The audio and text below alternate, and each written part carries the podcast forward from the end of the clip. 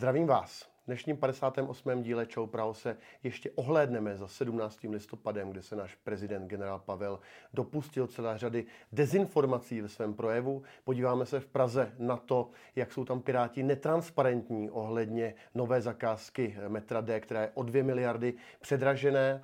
A na konci se podíváme ještě na Prahu 11, kde se schyluje k výměně starostky, kterou dlouhodobě kritizujeme. Tak pojďme na to.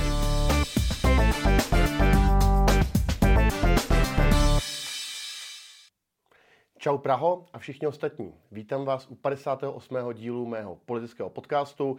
Dneska provizorně z hor, kam jsme si s manželkou jeli zaližovat. Poprosím zase jako vždycky, dejte odběr mého kanálu na YouTube, ať se zobrazuje video co nejvíce vašim přátelům a známým, ať se může pravda šířit dál. No, jak jsem říkal, my jsme s manželkou na 17. listopadu vyjeli na hory, děláme to takhle každý rok. Je to díky tomu, že máme naši krásnou zemi dneska v srdci Evropy, můžeme jezdit kam chceme, ale samozřejmě jsem oslavil také 17. listopad na Národní třídě, položil jsem svíčku, potom jsme teprve odjeli. No a sledoval jsem potom, eh, jak se ty oslavy dál vyvíjely a musím říct, že z toho nemám úplně radost. Ti lidé, kteří eh, tehdy byli ve studentském věku a na té národní třídě opravdu demonstrovali a často byli zraněni, dokonce spousta z nich v nemocnici, tak dneska často se tam na ně kouká skrz prsty, protože mají takzvaný dezolátní názory a ti, kteří tehdy stáli na druhé straně barikády, tak tím se tleská, jako třeba hm, pan generál prezident eh, Petr Pavel, který šel na národní třídu se svojí manželkou a obklopen bodyguardy. Vidíte fotografii. Eh, Pavel navíc, mě by ani nevadilo, že tam jde, že uh, tam jako v zásadě je pan prezident, když jsme si ho zvolili demokraticky, OK, ale mě vadí to, co říkal. Situace není tak špatná, jak nám ji někteří malují, říká Petr Pavel pro novinky CZ. No já tomu rozumím, že on se nemá tak špatně, asi ani s jeho manželkou, protože po tom, co vlastně minulém režimu vedl hm, základní organizaci komunistické strany a k tomu byl eh, rozvědčík, tak dneska, když je prezident a má ten 200 tisícový plat, tak se asi nemá úplně špatně. Ale on trošku zapomněl, že až 3 miliony lidí jsou dneska ohroženi chudobou, o tom jsem mluvil v posledních dílech. Milion lidí je pod hranicí chudoby, dokonce 2 miliony lidí jsou těsně pod tou hranicí, to znamená 3 miliony lidí se opravdu dneska mají špatně. No a Petr Pavel, ještě bych u toho zůstal, se chce mít ještě lépe a tak eh, tady Blesk.cz minulý týden psal, Hrad chtěl výjimku pro Vohralíkovou a to eh, ze zákona o lobbingu. To znamená, aby eh, v novém zákoně o lobbingu ředitelka kanceláře Petra prezidenta, eh, Petra Pavla, pardon, paní Vohralíková, nemusela své, své kontakty s lobbysty hlásit. Myslím si, že nepotřebujeme, aby se pan prezident měl ještě líp. No já bych u toho ještě skončil, aby, ještě pokračoval. Já bych ještě řekl, panu prezidentovi, jestli eh, mu to můžete vyřídit, třeba někdo se koukáte z jeho přátel, že eh, i třeba Německo si nemyslí, že bychom se dneska měli nejlépe na světě. Třeba Německo psalo minulý týden, o České republice, jako že jsme nemocný muž Evropy. Psal to Die Welt. Die Welt také psal další článek minulý týden, Chycená v průměrnosti Česká republika ukazuje, co ohrožuje Německo. Že na příkladu České republiky, které se opravdu podle Němců nedaří, tak ukazují problémy, které mají oni sami. Echo 24 minulý týden. Češi jsou nejmíň odíraným národem, pardon, Češi jsou nejvíc odíraným národem v Evropě, ukazují data OECD a Světové banky. No, je to tak? Češi schudli nejvíce ze všech vyspělých zemí, přistoupili na brutální pokles příjmů. Opět Echo 24 minulý týden. A tady je statistika Eurostat ohledně aktuální inflace a my jsme s Maďary na tom naprosto nejhůře. 9,5% eh, meziroční inflace teďka v říjnu 23. Přitom, když se podíváte, třeba Belgie 1,7 v mínusu dokonce, Itálie 1,8, Lucemburg 2,1, dokonce Litva 2,3. Průměr celé eurozóny je 2,9 a my máme meziroční růst inflace stále skoro 10%, 9,5%. Za to může naše vláda. Tady jsem se půjčil od Patrika Nachera z jeho Twitteru, který tady jasně upozorňuje na největší lež v této věci naší vlády. Vláda říkala, budeme řešit otázku odlivu dividend do zahraničí s cílem zvyšovat atraktivitu a investování v ČR s výhodněním reinvestic zpět do české ekonomiky. Realita 2022 odliv dividend trhá rekordy. 2023 odliv dividend do ciziny letos zrychlil o desítky miliard. Co to znamená? No znamená to, že prostě chudneme, že to, co se tady odpracuje, vydělá, tak se pošle do Německa, do Francie, do Ameriky, do Británie a tak dále. Je tady na to pěkná tabulka, kterou sdílel Patrik Nacher, kde je vidět, že Česko je z celé eurozóny na tom naprosto nejhůře. Že z toho, co odpracujeme, co vytvoříme za tu přidanou hodnotu, tak v České republice zůstane jenom 67%. Přitom třeba eh, ve Francii 95, nebo ve Španělsku 94. My jsme prostě naprosto odíraní a nikdo to neřeší, té naše fialové vládě. To asi vyhovuje, protože oni eh, tady vládnou tak, jak se píská z Bruselu a samozřejmě Bruselu to vyhovuje, že Češi jsou odíraní. Další článek, jako 24. Češi budou platit za elektřinu víc než odběratelé z jiných zemí. Budeme mít zase dražší elektřinu a to zase vyhovuje komu? No pojďte se tu přehlednou tabulku, jak eh, narostly majetky nejbohatších lidí. Eh, třeba tady Pavel Tykač, eh, který získal 50 miliard korun minulý rok. No tak ten teďka třeba s panem Holečkem bude podle E15 posílat vysoké škole Cevro, kterou založil ex-ministr Langer, miliardu korun. To je takové to ruka ruku myje, že? Takže necháme vydělat naše energetiky naprosto neuvěřitelně, no a oni potom našim zpřízněným politikům eh, z ODS pošlou peníze na jejich eh, neziskovky a na školu a podobně. Takže Tykač a pan Holeček z Coltu, mimochodem Colt, to je ta firma, kam letěl generál prezident eh, na svou cestu do Ameriky, naprosto neuvěřitelné se svým poradcem, panem Kolářem, tak ty pošlou miliardu vysoké škole, kterou vlastní ex-ministr Langer z ODS. Tak takhle si tady dneska žijeme.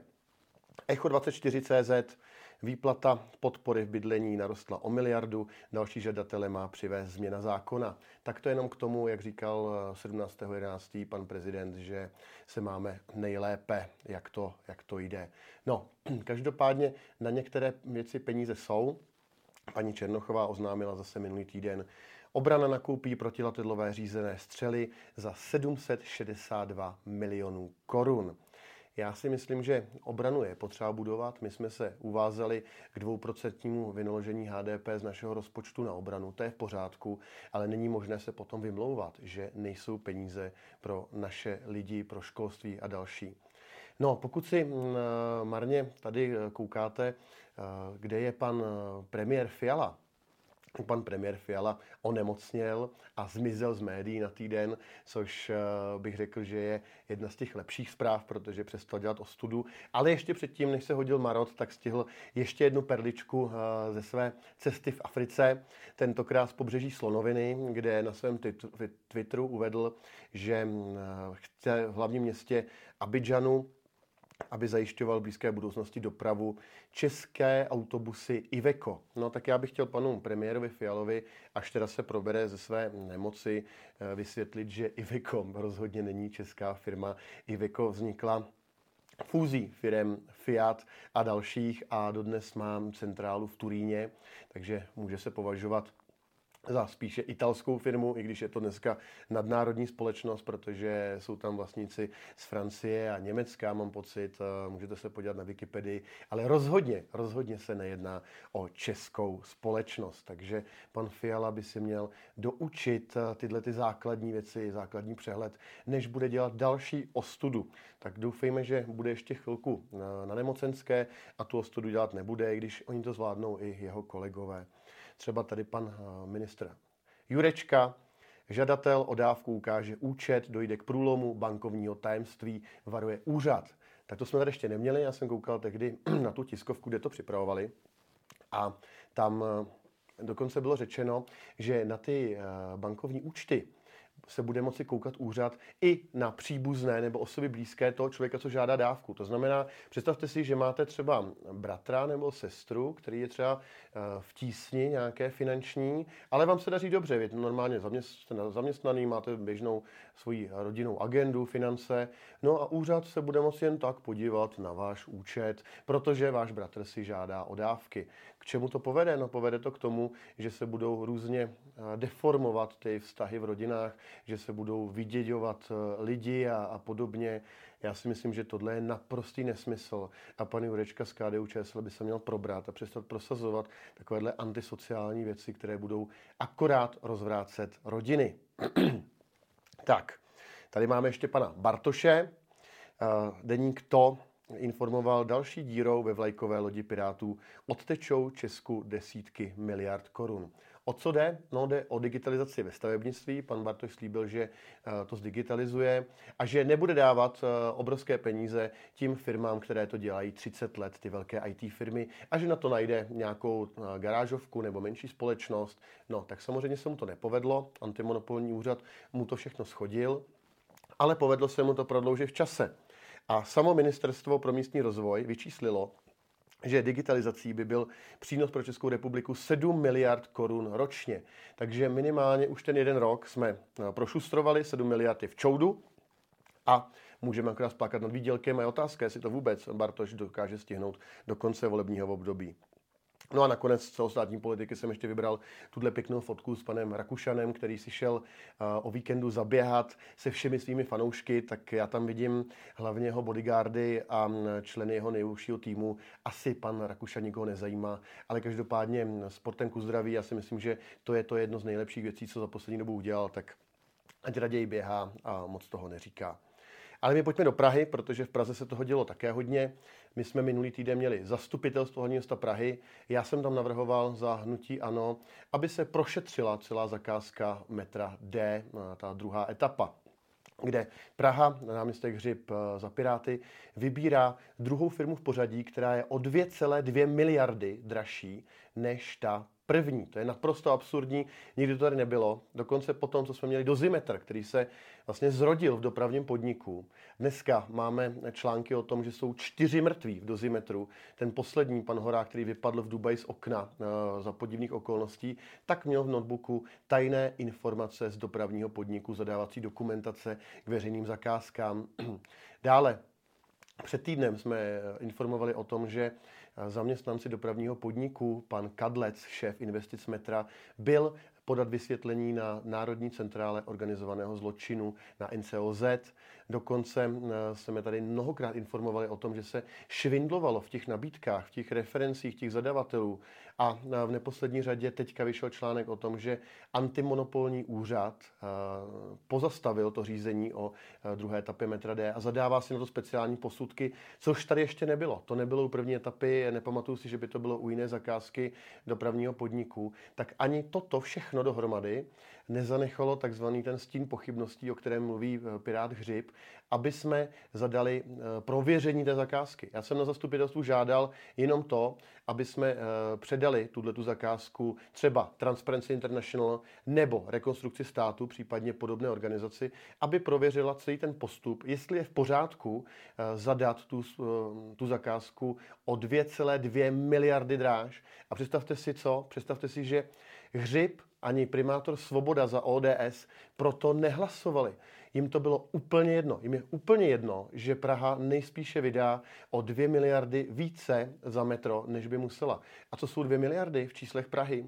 Tak jsou to třeba čtyři nové základní školy, nebo jsou to třeba stovky dostupných bytů, nebo jsou to eh, dva pavilony pro lední medvědy, které schválila minulý týden rada. No, představte si, to ještě na to navážu, eh, rada minulý týden pod Piráty opět, má to pod sebou paní Komersková Pirátka, schválili výstavbu nového pavilonu pro lední medvědy. Máme dokonce jenom jednoho ledního medvěda v Praze, pokud se nepletu, za 1,2 miliardy korun. Tak na to peníze jsou, ale potom na další věci ne. Je to opravdu neuvěřitelné. Pojďme dál.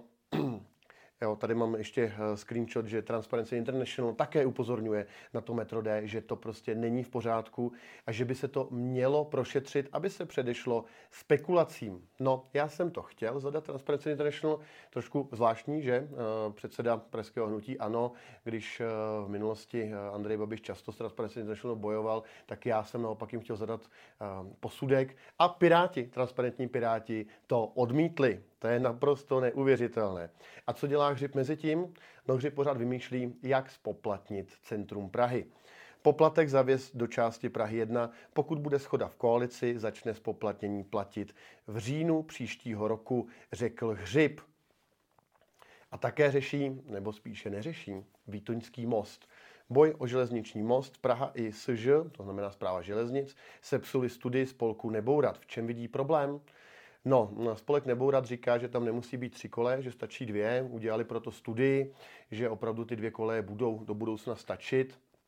A eh, Praha, aniž by s nimi nějakým způsobem diskutovala, tak ehm, prostě to celé s šmahem smetla ze stolu. No, nazdar, konec, bude se stavět nový most. Starý z 1901 roku se zbourá. No, já jsem četl pozorně vaše komentáře v minulých videích, kdy jsme se o tom bavili, jsem se o to ptal, tak většina z vás by ten most chtěla zachovat. Já si myslím, že bychom se měli bavit třeba o tom, pokud by tam už musel být nový most, tak ať vypadá pokud možno co eh, nejvíce podobně, aby to nekazilo panorama Prahy. A ten starý most bych klidně někam přesunul, ať slouží dál jako třeba pěší lávka, ať eh, ho posuneme o kus dál. Máme určitě v Praze mnoho míst, kde chybí dneska lávka pro pěší, pro cyklisty přes Prahu a můžeme ho zachovat. Dítě, je to, je to památka z období páry takovýchhle mostů. Už na světě moc není a já rozumím té iniciativě Neboura, která má dneska 20 tisíc podpisů, stojí za ní přední umělci, architekti, kteří tvrdí, ať se to nebourá. Já jsem pro a já bych to někam přesunul. Další článek, co mě zaujal z Prahy, válka o předzahrádky v historickém centru Prahy. O co jde? No jde o to, že Piráti v minulém volebním období připravili nová pravidla pro zahrádky restaurační, že mají mít nějaký standard, mají mít nějakou velikost a podobně. No a zhruba polovina restauratérů si jakoby přizpůsobila, podepsala ty nové smlouvy a polovina ne. Polovina ne, polovina se zpravu soudila, že eh, to chtějí mít jinak a podobně.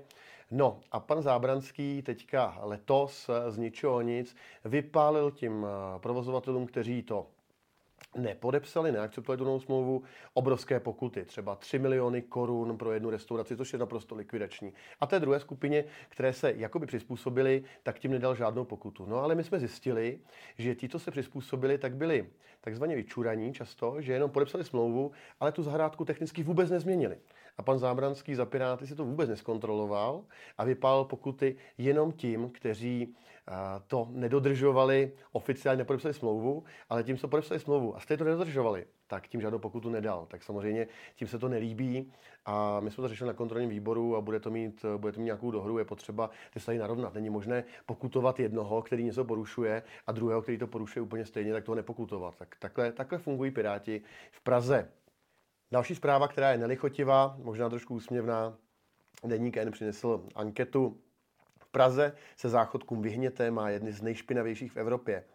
Eh, byla, byl Mezinárodní den eh, toalet a eh, Světová agentura britské společnosti udělala anketu mezi lidmi v různých zemích a Praha skončila až na nelichotivém osmém místě z evropských metropolí v čistotě veřejných toalet. Takže to je další věc, na kterou by se třeba tato koalice místo blbostí, jako je třeba zavírání centra, měla zaměřit, ale to samozřejmě Piráty nezajímá. Ale aby skončil tu Prahu nějakým způsobem pozitivně, tak na zastupitelstvu minulý týden se třeba povedlo kolegyni Radmile Kleslové prosadit, že se v Praze zřídí dětská zubní pohotovost. My jsme to měli v programu, já jsem za to hrozně rád, konečně se to podařilo. Budeme mít dětskou zubní pohotovost eh, na území Prahy, ještě přesně nevíme kde, to se bude teďka řešit, ale důležité je, že náš záměr byl schválen. No a protože v Praze koalice rok po, po volbách neřeší vůbec parkování, řeší nějaké nesmysly se poplatněním vjezdu do centra a podobně, tak já jsem to vzal do vlastních rukou a 28.11. pořádám na hlavním městě Praze kulatý stůl s odborníky na parkování, s odborníky na dopravu. Budu tam mít bývalého ministra dopravy, bývalého primátora, lidi z ČVUT a další. Bude to nepolitické, bude to odborné, tak jsem zvědav, co z toho vypadne. Připravíme konkrétní návrhy zahnutí ano eh, pro primátora, pro náměstka pro dopravu. Dáme jim to, uvidíme, jestli se to chytnou, aby se konečně v Praze začalo něco dít s parkováním, protože ta situace hlavně na našich sídlištích, je naprosto, naprosto tristní. To je neuvěřitelné, že s tím nikdo nic roky nedělá. Tak, pojďme ještě na závěr na Prahu 11, tam se toho teďka děje také hodně. Eh, my jsme viděli minulý týden eh, Piráty, kteří eh, dali ven takové prohlášení. Piráti Praha 11 požadují své koaliční partnery z důvodu nespokojenosti o výměnu starostky Šárky Zdeňkové z Nutí pro Prahu 11. No tak to je ta starostka z Prahy 11, o které já tady informuji rok, že ona neplní žádné své volební sliby, eh, nekomunikuje s občany, nekomunikuje s nikým, tak Piráti už eh, teďka žádají o její výměnu. Já tady přečtu jenom z toho prohlášení, to mě velmi zaujalo. Hlasité agresivní útoky starostky Prahy 11 Deňkové na koaliční partnery. Nechovej se jako kretén, nebo na druhou koaliční stranu chovejte se konečně jako chlapy. Takže e, takhle prý komunikuje paní starostka se svými koaličními partnery na radě. Piráti říkají, že také dochází dlouhodobě k šikaně zaměstnanců a další. Psal o tom pražský patriot. Koaliční spor v Praze 11. Piráti chtějí vyměnit starostku s Deňkovou. Ještě tvrději o tom psal náš region, starostka Prahy 11 Zdeňková, na odvolání. Nepracuje z ní z koalice i opozice. No, my to budeme samozřejmě řešit a mm, my jako hnutí ANO máme svůj jasný program. My eh, nabízíme od začátku, že budeme spolupracovat s kýmkoliv, eh, kdo nám nabídne eh, řešení pro občany Jižního města. Bohužel rok po volbách se neděje vůbec nic. Jižní město se jenom zhoršilo, je tady větší kriminalita, menší bezpečnost, větší nepořádek, takže já bych byl rád, kdyby konečně se ta koalice, co tady rok už funguje, se přestala hádat a začala pracovat, anebo aby se rozpustila a vznikla tady nějaká jiná koalice. Paní starostka oznámila přes Pražskou drbnu minulý týden, že v Praze 11 bude nadále fungovat pohotovost v poliklinice Šustova já bych měl asi tleskat, ale já teda tleskat nebudu, protože pokračovat v něčem, co už jako funguje, tak to je něco neuvěřitelné. To je něco jako kdyby někdo řekl, že vybudoval uh, novou silnici, která už tam předtím stála, on jenom opravil. To prostě, toto nelze ocenit. To je prostě jenom pokračování v tom, co bylo. Hnutí pro Prahu 11 Šarky Zdeňkové slíbilo, a máme na to tady jasný vizuál z jejich webových stránek, vrátíme na Jižní město dětskou pohotovost a výjezdovou zdravotnickou službu pro seniory. Nic z toho tam není. Oni jenom prodloužili to, co tady roky fungovalo, co zařídili ty před nimi, ale to, co slíbili občanům, dětskou pohotovost a výjezdovou uh, službu pro seniory, tak to vůbec nezařídili. No a když jsem se ptal na Facebooku městské části, jestli uh, proč vlastně, proč je to jenom na dva roky ta pohotovost, kolik to vlastně stálo vysoutěžit, uh, napsat tu zadávací dokumentaci u právníků, udělat soutěž, vyhodnotit tu soutěž, kolik to stálo, tak mi na to koaliční zastupitel, pravá ruka eh, starostky Martin Farmačka, tak mi na to odepsal neremcej a tleskej. Tak takhle komunikuje koalice Prahy 11 opozicí. Když já se zeptám na to, kolik to stálo, proč je to jen na dva roky, tak on odpoví neremcej a tleskej. No, tak takovýhle máme úroveň na Praze 11. To je síla, co? No, hnutí pro 11 na to reagovalo, že zásadně odmítá nepodložené a lživé obvinění a požaduje omluvu. No, tak je to pořád to samé dokola. Místo, aby se omluvili, eh, aby, aby dali dohromady tu koalici, tak se budou prostě jenom hádat. No, na závěr bych vás zase chtěl pozvat do naší skupiny Jižní město žije. Pokud eh, jste z Jižního města z Prahy 11 z okolí, přijďte k nám, řešíme tam ty nejdůležitější témata z Prahy 11 každý den. Neustále odpovídáme s našimi zastupiteli, řešíme vaše podněty. No a předběžně vás chci pozvat na, předvánoční kávu. Eh, budu to mít 13.12. v kavárně mezi domy v Křipského ulici od 15 do 17 hodin, tak si to dejte do kalendáře. Můžeme popovídat i odpoledne odpoledne u kávy, nemusí to být vždycky jenom u piva. Spousta z vás mi psalo po minulém pivu, že eh, byste uvítali něco i přes den, tak eh, tvořím nový koncert, půjdeme spolu na kafe a nějaké cukroví. Tak to je za mě dneska, milí přátelé, vše. Já se těším za týden zase na viděnou a prosím, sdílejte moje video všem svým známým a přátelům, ať se pravdu dozví co nejvíce lidí. Děkuji.